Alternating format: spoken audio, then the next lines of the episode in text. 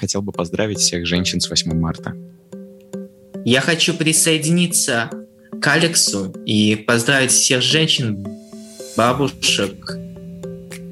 Будьте любимы и любите тоже.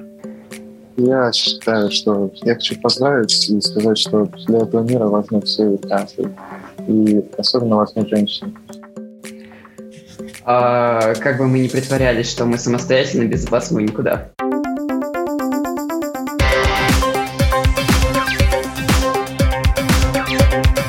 Поколение Z.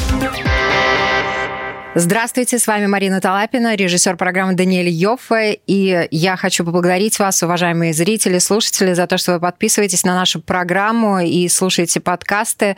Это теперь можно делать практически на всех платформах, включая Spotify, Apple и Google подкаст. Конечно, нас можно смотреть и нужно смотреть на YouTube и искать на Фейсбуке и находить и лайкать в Инстаграме. И, ну, конечно, латвийский сайт латвийского радио lr4.ru LV, наш любимый сайт, тоже не забывайте. Если вы вдруг не можете сориентироваться, то через этот сайт вы можете нас найти везде. И э, сегодня в преддверии замечательного весеннего праздника, весна, март всегда у всех ассоциируется с чем? с Международным женским днем 8 марта. Э, я решила пригласить в нашу мультимедийную студию мужскую компанию и поговорить о мужских радостях и мужских праздниках и об эмансипации. А я праздники люблю. Так называется тема программы. Сегодня я рада представить. У нас на связи Леонард Теснов. Всем привет. Михаил Олехов. Всем привет. Максим Зинкевич. Здравствуйте. И Алекс Римлин. Привет.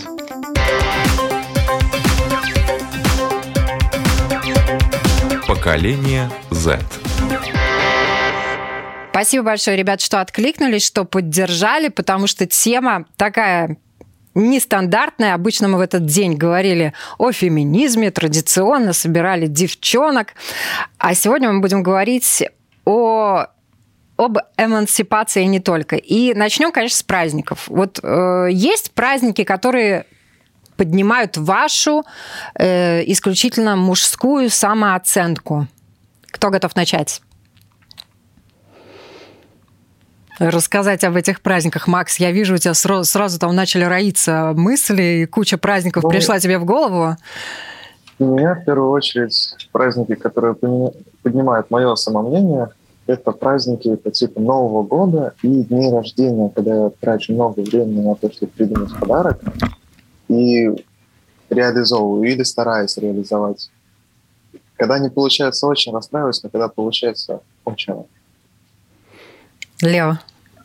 А, наверное, Макс дал очень хорошую идею по поводу дня рождения. Это правда так есть.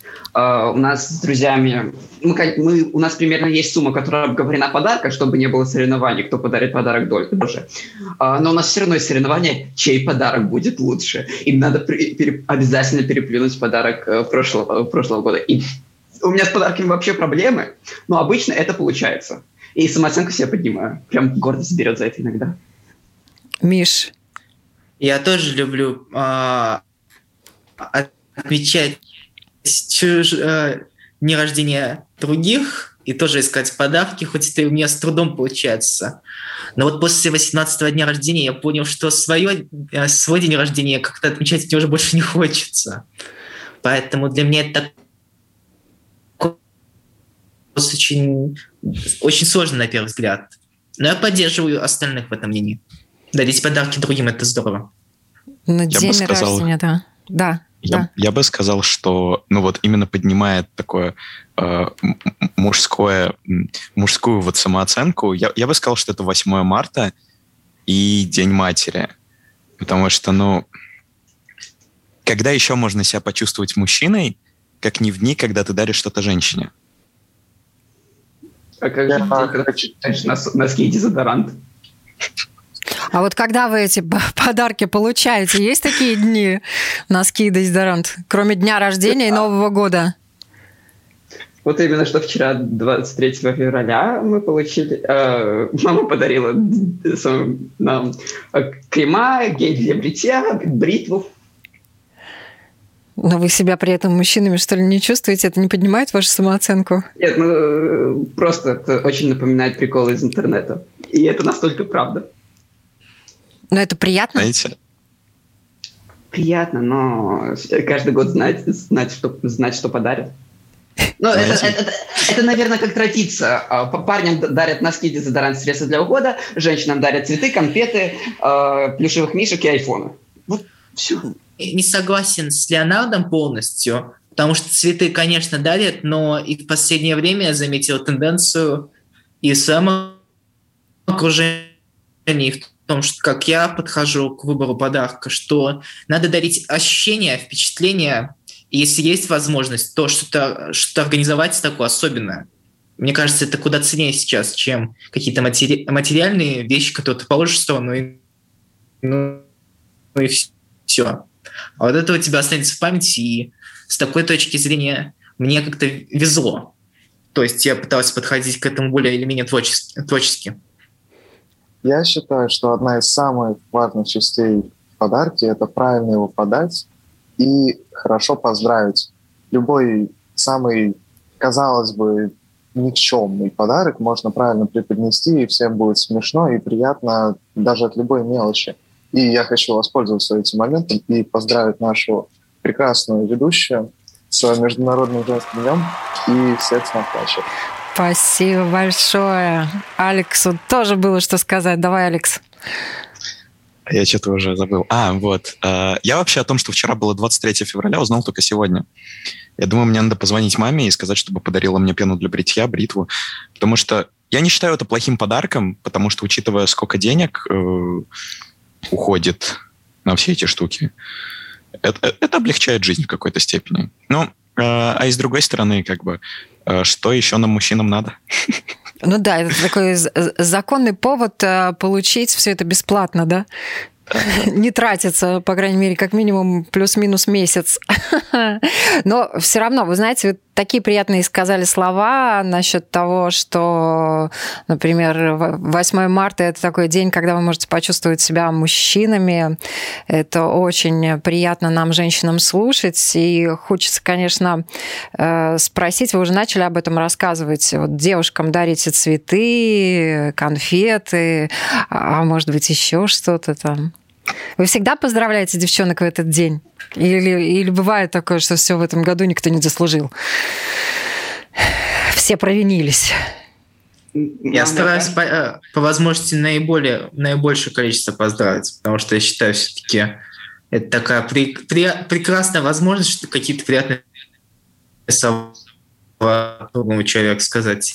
Я тоже присоединяюсь к э, поздравлениям а, и хочу поздравить нашу ведущую, нашу Марину, с этим чудесным днем. Спасибо большое. Но я думаю, что у вас есть возможность поздравить вообще всех э, женщин, девушек, бабушек, которые нас слушают. Не ограничивайтесь, конечно, пожалуйста, только конечно. мною. Бабушки, мы вас любим. Мама, без, вас, без вас бы нас, нас не было.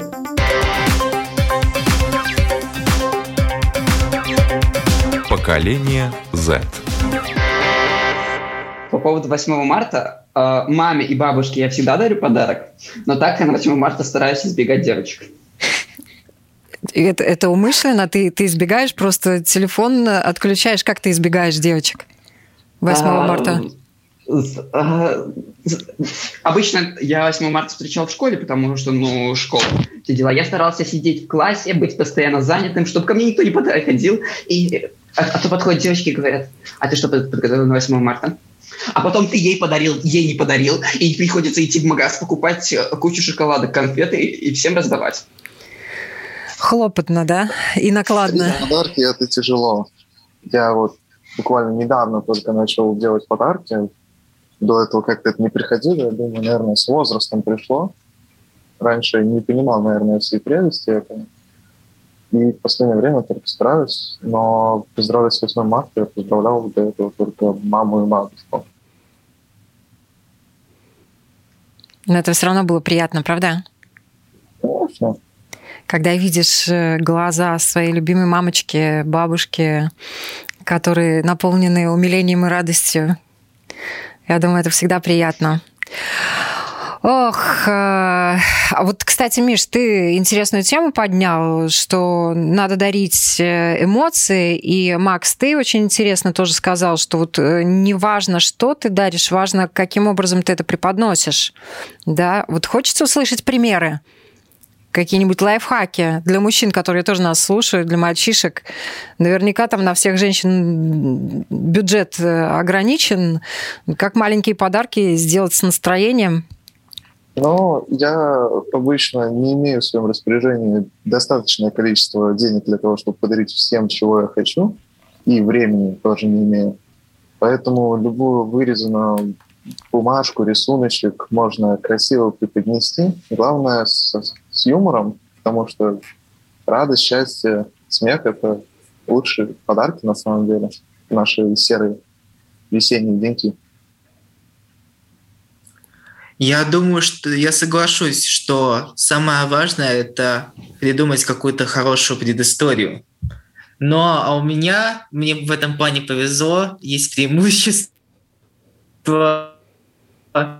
Могу сыграть что-то, что-то исполнить и таким образом преподнести вот эти ощущения, о, о чем я как раз и говорил. Ну да. Так что мне в этом плане полегче. В связи с тем, что вроде как а, все еще пока ограничено общение, там, или по старой памяти можно подарки закидывать в окна, да, я не знаю, приклеивать цветы к стеклу с другой стороны, со стороны улицы. Там. Вообще, фантазии, я думаю, что если разыграется, то человек все сделает правильно, главное, безопасно для своей жизни. А, я хочу рассказать. А, в школе, на самом деле, когда 8 марта, денег нереально мало, а, а, а, все, а девочек в классе много, и надо придумать а, всем, каждый креативное и индивидуальное поздравление. Так вот, в этом году, на данный момент мы с Максом э, дошли до того, что каждой девочке разослать по почте открытку с поздравлением. Потому что это как... это отсылка к тому, что мы не получаем письма, это очень мило, и это знак внимания. Потому что нас они поздравили с 23 февраля. Подожди, а разве 8 марта это не государственный праздник? Почему ты сидел, э, э, сидел тише воды ниже травы в школе, если на самом деле тебя в школе не должно было быть? Это государственный, но рабочий день. А, понятненько. Это, Я это... вообще не понимаю эту штуку э, с тем, что всем вокруг нужно подарить подарок. На самом деле, в нашей жизни же, ну, по крайней мере, в моей не так много э, женщин, которые на нее влияют. Ну, вот раз-два я общался. Мама, бабушка, тетя, девушка, лучшая подруга. Всего-то пять человек, и, ну, на самом деле, подготовиться к этому празднику для этих пяти людей, я думаю, не составляет труда. А вот э, идти в школу и дарить подарки всем, всем своим одноклассницам, не знаю, мне кажется, как минимум странно.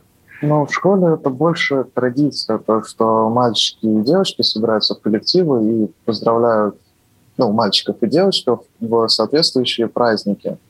Но если делать личный подарок, то, конечно, нужно отнестись с душой и дарить людям, которым действительно хочешь подарить, и можешь придумать, что подарить хорошо.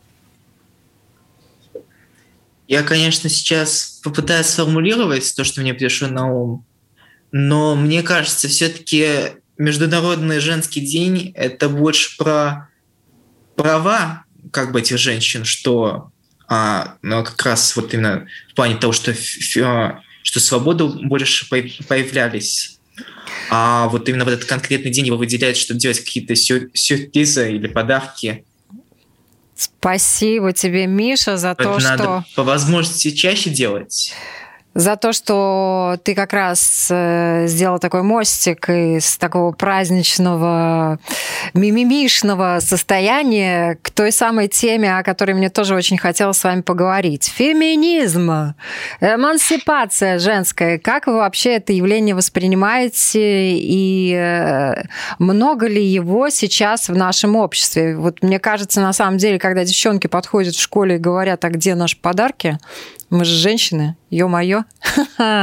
Это все-таки проявление Некоторые степени феминизма нет разве?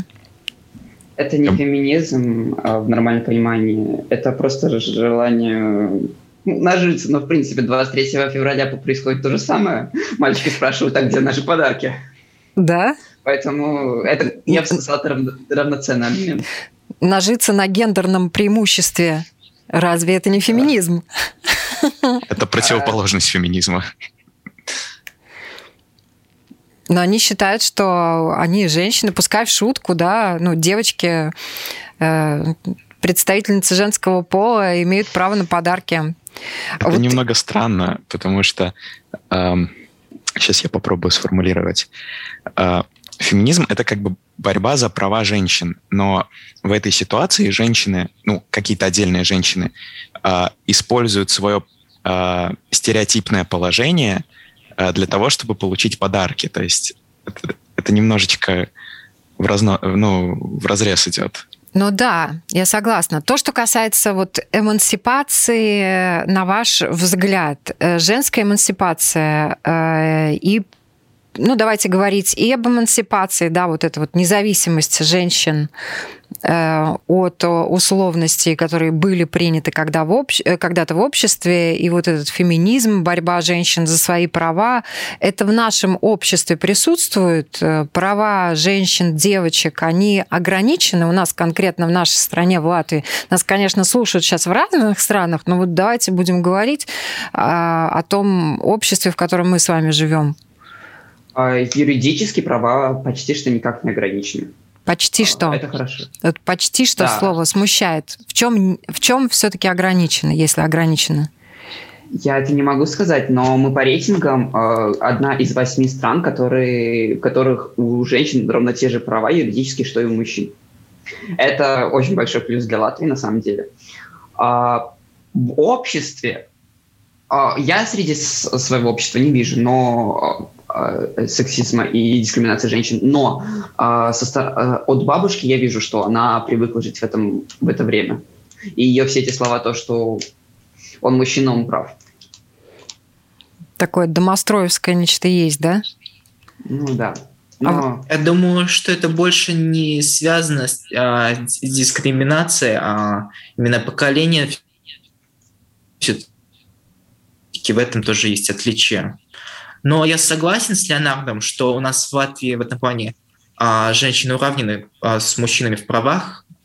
Я не знаю, как обстоит в плане карьеры, зарплаты ли одинаковые, потому что с этим ну, поэтому... аспектом жизни я еще не сталкивался. По Но, во всяком случае, судя по своему раз, окружению, да. Женщин... мне кажется, что э, у нас не дискриминируют так уж прям сильно.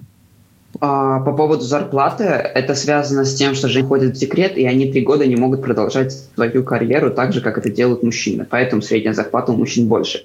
Но мужчины а, сейчас Лат... тоже могут в Латвии уходить в декрет? Просто Я пока знаю, этим нет. правом больше пользуются женщины, чем мужчины. Но мужчины тоже у нас уходят в декрет. И я знаю своих коллег-журналистов мужского пола, которые уходили в декрет, сидели с ребенком в некоторых европейских странах это как раз обязательно, чтобы уравнять женщин и мужчин. Я, я не помню, это, я не могу так сказать, какая-то страна, но, но две страны такое у нас в Европе есть у нас. А вы девочкам уступаете место в общественном транспорте? Вот вообще, вот как расценивать такие вещи, как там уступить э, место в общественном транспорте женщине, девушке, только потому что они женщины, девушки, или они имеют такое же право стоять, как и вы? Да, именно. Вот если у девочки будет э, сломана нога или по какой-то причине сложно ходить, то, разумеется, я уступлю место. Но если у парня будет такая же ситуация, я тоже ему уступлю. Я просто часто уступаю места в общественном транспорте. Если я вижу, что люди стоят, им неудобно, мне это поставить несложно. Просто некоторые люди шатаются и летают по всему автобусу просто так. И мне встать, спокойно поставить ровно полчаса абсолютно несложно. А, я, в принципе, мне без разницы, сколько лет и какого пола человек. Если ему тяжело стоять, то, в принципе, уступить ему надо. В этом проблемы не вижу. Но если это только потому, что пол другой, то это очень, то это плохо. И не очень хорошо. А девчонки-феминистки наверняка о своих вот э, мыслях, э, убеждениях вам говорят. Может быть, вы спорили тоже в школе, потому что это достаточно модная сейчас тема. Я права? Достаточно модная. У меня как-то И... один раз в электричке, по-моему, фыркнули за то, что я уступил место. Очень неприятно было. В школе у нас есть много сторонников достаточно движения с ними поговорить иногда интересно. А чем они вам интересны, Макс? Ну, слышать другую точку зрения, которая отличается достаточно сильно от моей. Я вот просто, наверное, не вижу проблем или не хочу их видеть, но я спорю с людьми. Очень часто я хочу слышать доказательства э, какой-то правоты и мнения и только тогда я прислушиваюсь. А так, в целом, я отношусь довольно скептически, потому что если просто кричать о том, что проблема есть, и ничего не говорить, не доказывать, не показывать, то это все равно, что стоять с картонной табличкой, что приближается конец света. А, но ты будешь с большинством феминистками, с людьми, которые себя зовут феминистками, говорить об этом, и по всем э, понятиям, они будут просто продвигать рандомные факты и мнения, которые ничем не обоснованы. Но я на самом деле встречал такие случаи, что, во-первых, все женщины-феминистки хотят, это, хотят этого или нет. Потому что вот, Марин, а ты пока тут единственная женщина. Представь, завтра у тебя заберут возможность ездить на машине. Как ты к этому отнесешься? У меня не заберут эту возможность. Именно, завтра. Но были, были времена, когда женщинам даже не было дозволено ездить. Ну, сейчас есть э, тоже в наши дни есть страны, в которых э, женщинам не разрешают ездить, э, издавать на права, да. А, Арабские да. страны, да, есть да. такие. Но мы это даже представить не можем себе, как это нормально. И большинство женщин, женщин тоже. Для них они как бы и придерживаются феминизма, только они не, не зовут себя, не называют себя таким умным словом. А большинство феминисток, которые себя называют прям феминисткой, там, это, это обычно ярые, и они на самом деле очень опасны для общества, потому что они преследуют цель не того, чтобы э, цель не того, чтобы э, уравнять мужчин и женщин, а для того, чтобы поднять женщин выше, выше чем мужчины. Это те, которые там э, отбеливатель на штаны выливают и так далее. Фомен пишет на груди разные слова и показывает всем.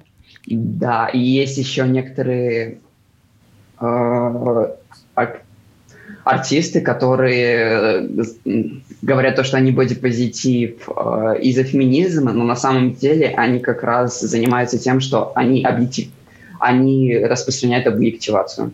Это тоже. Ну вот это вот очень тонкая грань. Ты привел пример, который действительно э, вызывает недоумение, и понятно, что ну, это глупо там запрещать девочкам учиться. Есть такие страны, в которых еще до сих пор там девчонки не могут э, ходить в школу только потому, что они э, принадлежат э, к женскому полу, да. А в то же время э, то, что касается нашего общества, я вам задала вопрос, и вам было сложно на него ответить. А что же у нас с правами женщин и мужчин не так, да. Есть, конечно, эм, какие-то вещи, там, та же зарплата, но по большому счету вот нашим женщинам есть на что жаловаться? Наши женщины могут пожаловаться Я думаю, на наш надо... менталитет. На наш, на, наш что, прости? На наш менталитет, потому что, ну, э, Например, Лео сказал, что среди его знакомых э, нет таких прям сексистов, а я встречаю их ну, практически каждую неделю, если я выхожу из дома. А, потому что ну, у меня по папиной стороне есть довольно-таки э, консервативные люди. А, в принципе, меня жизнь сводила даже с нашими сверстниками, которые считают, что женщина должна стоять на кухне и варить борщ и, в принципе, ее мнение ничего не значит. Ну, то есть а, единственное, с чем действительно, мне кажется, нужно бороться, а, это вот а, с таким воспитанием.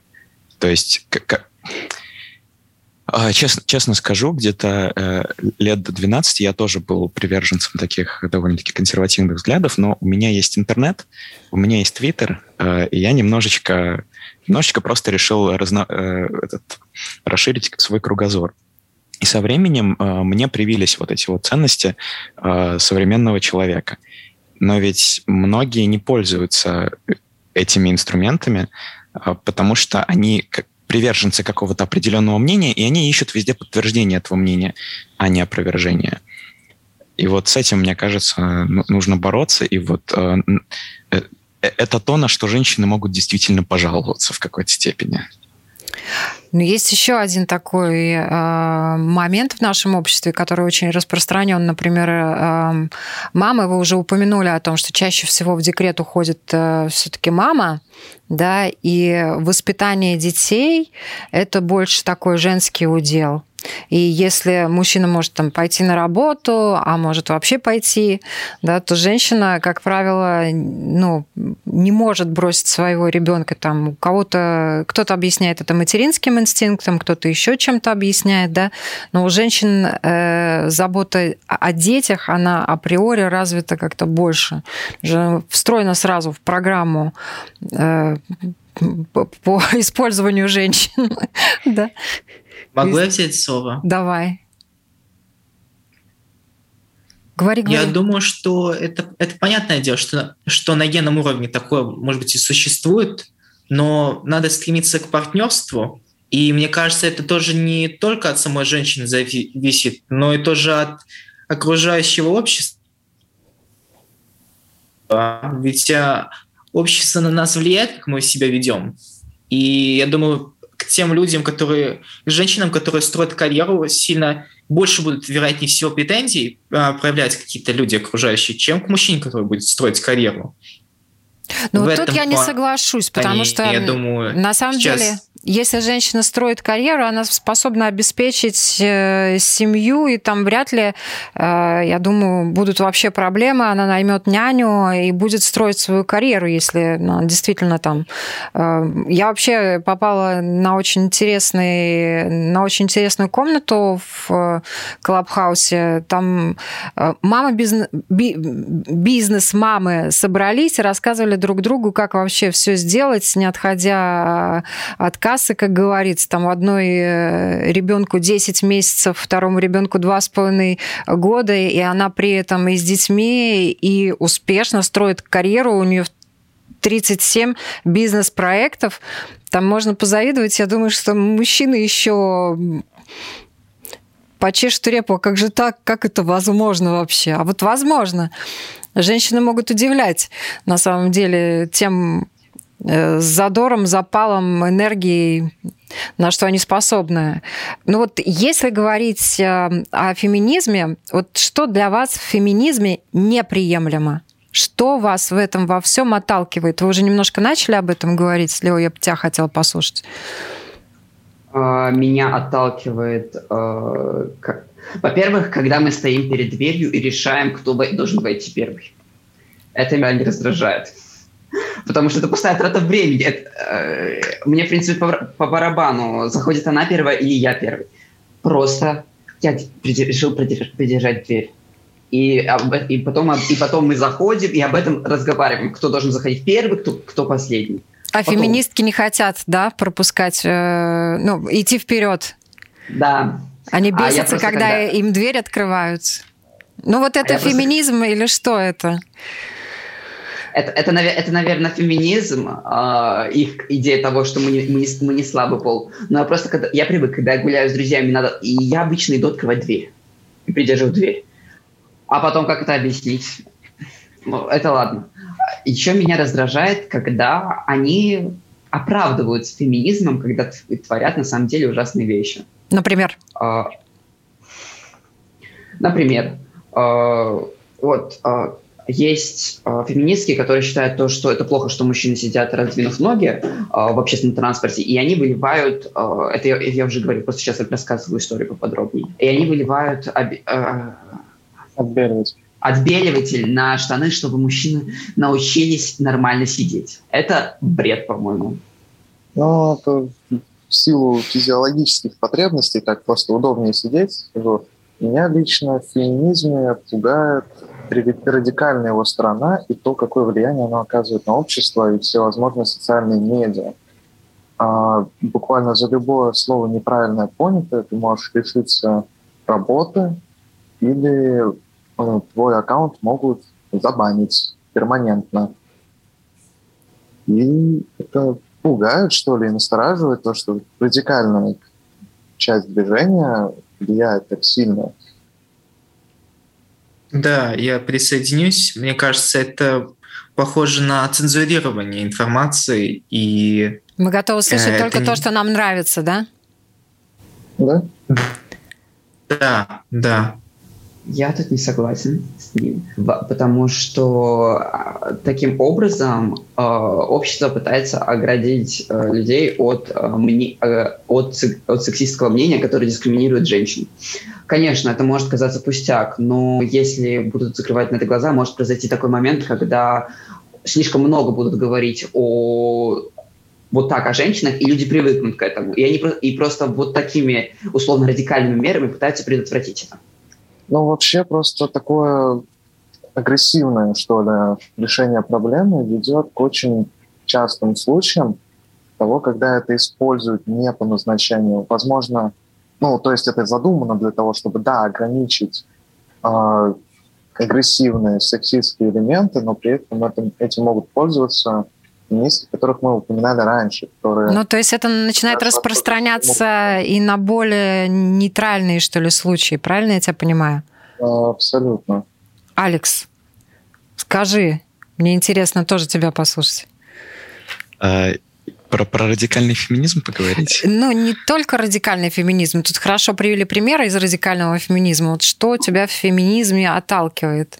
В самой идее в этой, я не знаю, в каких-то проявлениях феминизма. Феминизм вообще такое явление достаточно действительно многогранное, разное, в разных странах по-разному и относятся, и воспринимают, и где-то женщины уже боятся, и боятся им и двери открывать, и машину, и приглашать вообще куда-то боятся, разговаривать с ними боятся, чтобы, не дай бог, что-нибудь не так истолковали и в суд э, или полицию не вызвали. Знаете, я, к счастью, э, не, не встречал э, таких радикальных феминисток, но э, что мне точно понятно, так это что в, любых, в любом движении появляются всегда люди с ну, достаточно радикальными взглядами. И если есть возможность не обращать просто на них внимания, то надо просто не обращать на них внимания. Мне, например, никто ни разу не выливал отбеливатель э, на штаны. То есть э, а это случилось в Латвии вообще? Ну, в Латвии нет, нет в Латвии это... этого не было. Мы живем в нормальном обществе, слава богу. Нет, мне не нравится э, вот мне не нравится штука с бодипозитивом. Э, причем она бы мне не нравилась, даже если бы это была э, не феминистская штука. Э, то есть, нет, принятие своего тела таким, какое оно есть, это хорошо, э, но я видел случаи, когда это возводится в культ, а, и, что называется, давайте разжиреем как можно сильнее, ведь мы боди бодипозитив. И это не здорово даже с точки зрения как бы, Бодипозитив, я тебя обрадую, уже не тренд, это уже не модно, уже все, да, мы принимаем свое тело, но красивое тело это хорошо. Пускай оно будет пухленьким, но ухоженным да. За собой надо следить, э, да, и мыться. И, и приятно, когда от женщины хорошо пахнет, да, а не потом. Это все нормально, как и от мужчины, впрочем, правильно? Я предлагаю э, вам ответить на следующий вопрос. Вообще, женский праздник, э, каким он задумывался 8 марта, да, слава богу, он себя немножечко как-то изжил.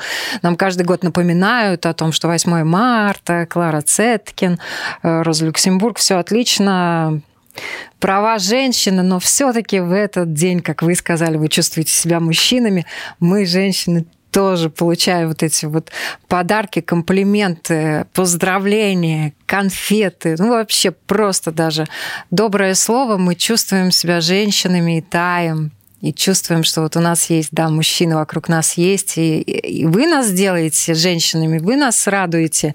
И хочется мне узнать вообще, что вы думаете, вот чего современным женщинам может быть, не достает, чтобы быть больше женщинами? Любви и денег на поход в салон, которые сейчас закрыты. Так взял, взял все и приземлил, но по существу. Ну, по существу, да. Хоть, э, правда, салон, походы в салоны красоты – это на самом деле очень плохая вещь, потому что оно наживается на заниженной самооценке женщины. Почему? Том, а, в, в салон приходят, чтобы выглядеть красивыми. Значит, э, женщины Ухаживать за собой. Это же естественная составляющая наш, э, нас, женщин. Ну, ты же тоже ходишь в салон подстричься, чтобы там не обрастать. Ну. Я хожу в салон подстричься, потому что мне волосы надоедают. Ну. Они просто неудобные. А женщины, женщины ходят потрепаться в салон и ходят, э, и, и ходят, э, чтобы выглядеть более привлекательно для своих же мужей, которые платят за этот салон. Я тебе скажу, что я тоже хожу в салон потрепаться со своей подругой-парикмахером, и чтобы больше нравиться девушкам. Так что это не чисто женская штука. Хорошо. Еще, чего женщинам не хватает, чтобы быть женщинами? Мы только что и, говорили и... про бодипозитив, кстати. Вот ты представляешь, если бы женщины не ходили в салоны? Же это, это были бы заросшие, обросшие такие, я не знаю, пещерные тетечки. А, я думаю, что а, женщинам, и мне кажется, вообще людям не хватает уверенности в себе, и это мешает им высказывать а, когда что-то не нравится этому человеку, то есть женщине, или когда что-то нравится, нам мешает наша собственная неуверенность. А и от этого все проблемы. А неуверенность и скромность. Вам нравятся да. больше скромные женщины, которые, да, может быть, они не высказывают э, свою позицию, но не потому, что они там не уверены в себе, а потому что вот их скромность, их воспитание – не позволяет им там публично высказать свою позицию.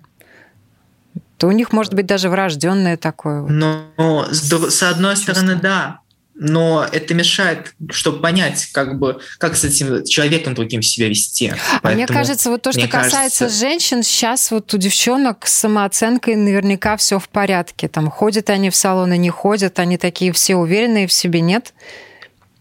Или я что-то путаю? Уверенность в себе – это когда мы в социальной сети берем, но в реальной жизни надо тоже брать пример. И вот в этом плане, мне кажется, тут надо смотреть. Что сегодня у девчонок с уверенностью? Расскажите мне. Я запуталась. Алекс, давай. Вокруг тебя какие девчонки? В твоем... Все у них в порядке. Неуверенных девушек столько же, сколько неуверенных парней.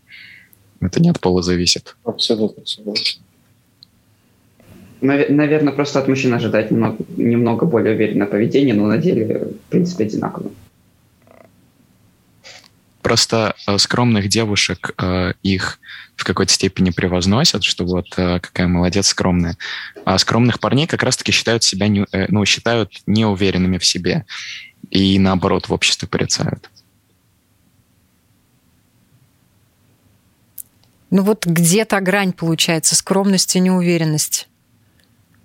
А Скромность – это может быть также и признаком уверенности, как по мне. Если ты уверен в том, что ты что-то можешь или умеешь, тебе абсолютно не обязательно об этом говорить. Поэтому это две вещи, которые зависят друг от друга, но явно не влияют. Скромно можно довести до грани. А неуверенная, она, она будет э, постоянно сомневаться, что решить. А, а, скромная, у нее есть свое я, а у неуверенной ее нету. Она слишком сомневается во всем, чтобы иметь собственное мнение. А если человек скромный, у него есть свое мнение, и он его придерживается. По-моему, вот в чем разница.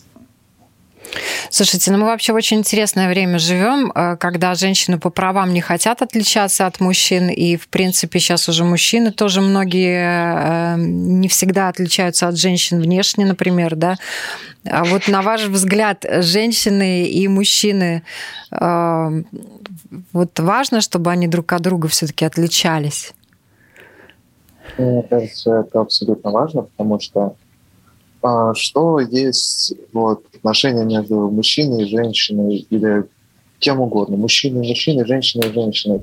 Это как коллектив. В коллективе очень важно правильно распределять обязанности в по силе. Тот, кто делает что-то лучше, должен заниматься тем, что он делает лучше. Это просто эволюция выявленный механизм. Поэтому, думаю, да. Я, ну, наверное, Марина сейчас, я сейчас, наверное, иду немного не в ту степь, но все же по поводу одежды я бы сказал то, что нет в этом особой разницы, потому что иногда я завидую женщинам, потому что у вас есть лучший, э, лучший выбор одежды, но в это время у мужчин лучше карманы в одежде. И, и на самом деле, я знаю очень много, по-моему, все девушки хотя бы когда-то закупались в мужском отделе.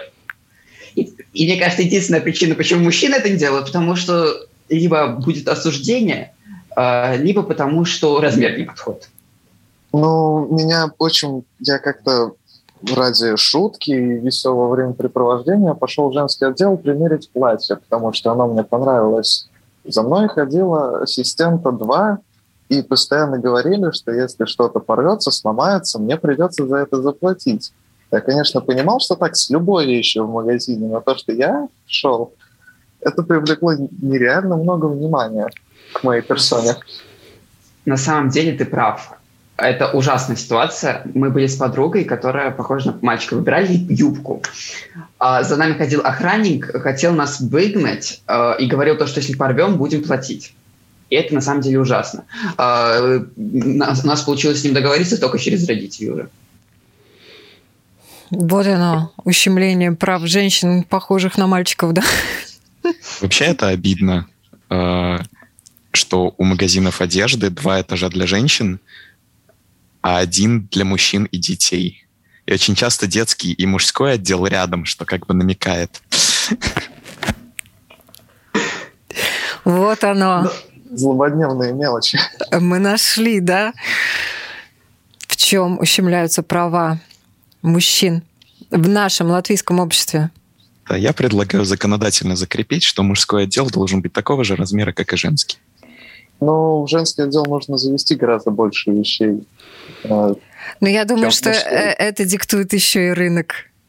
Женщины все-таки, наверное, больше э, покупают себе одежды, нежели чем мужчины. Переходим на плановую экономику, значит. Ох, вообще вам, молодые люди, хотелось бы в будущем, может быть, уже даже сейчас заботиться о своих женщинах? Сначала себя научиться беззаботиться. Полностью согласен. Я тоже согласен. В любом случае, когда пытаешься... Ну, это как с животным. Я не хочу сказать, что женщина как животные, я хочу сказать, что для того, чтобы иметь возможность заботиться о ком-то, нужно сперва иметь возможность заботиться о себе полноценно. Конечно, может быть очень выгоден для обоих людей союз какой-либо выгодный. Жить вдвоем, наверное, одновременно и легче, и сложнее. Сложнее от того, что приходится постоянно проводить время вместе, а легче от того, что многие проблемы решать легче. Но, тем не менее, нужно уметь быть независимым и в вакууме сделать любую ту же работу, которую может сделать и другой человек. Слушайте, тут и глубокая мысль, и в то же время очень такая провокационная. Да, по поводу того, что когда вы научитесь заботиться о себе, да, заведите себе женщину и заботьтесь о ней. Я вам, честное слово, э, очень благодарна за сегодняшнюю беседу. В завершении этой программы я хотел бы поздравить всех женщин с 8 марта. Я хочу присоединиться к Алексу и поздравить всех женщин, бабушек. Будьте любимы и любите тоже. А, как бы мы ни притворялись, что мы самостоятельны, без вас мы никуда. Я считаю, что я хочу поздравить и сказать, что для этого мира важны все и каждый. И особенно важны женщины. Уважаемые женщины, позволяйте, пожалуйста, мужчинам заботиться о вас, если они уже научились заботиться не только о себе, это очень здорово. Спасибо, мужчина, что вы у нас есть. И всем хорошего дня, всех женщин с праздником. И спасибо большое, что вы, мужчины, нам помогаете чувствовать себя женщинами.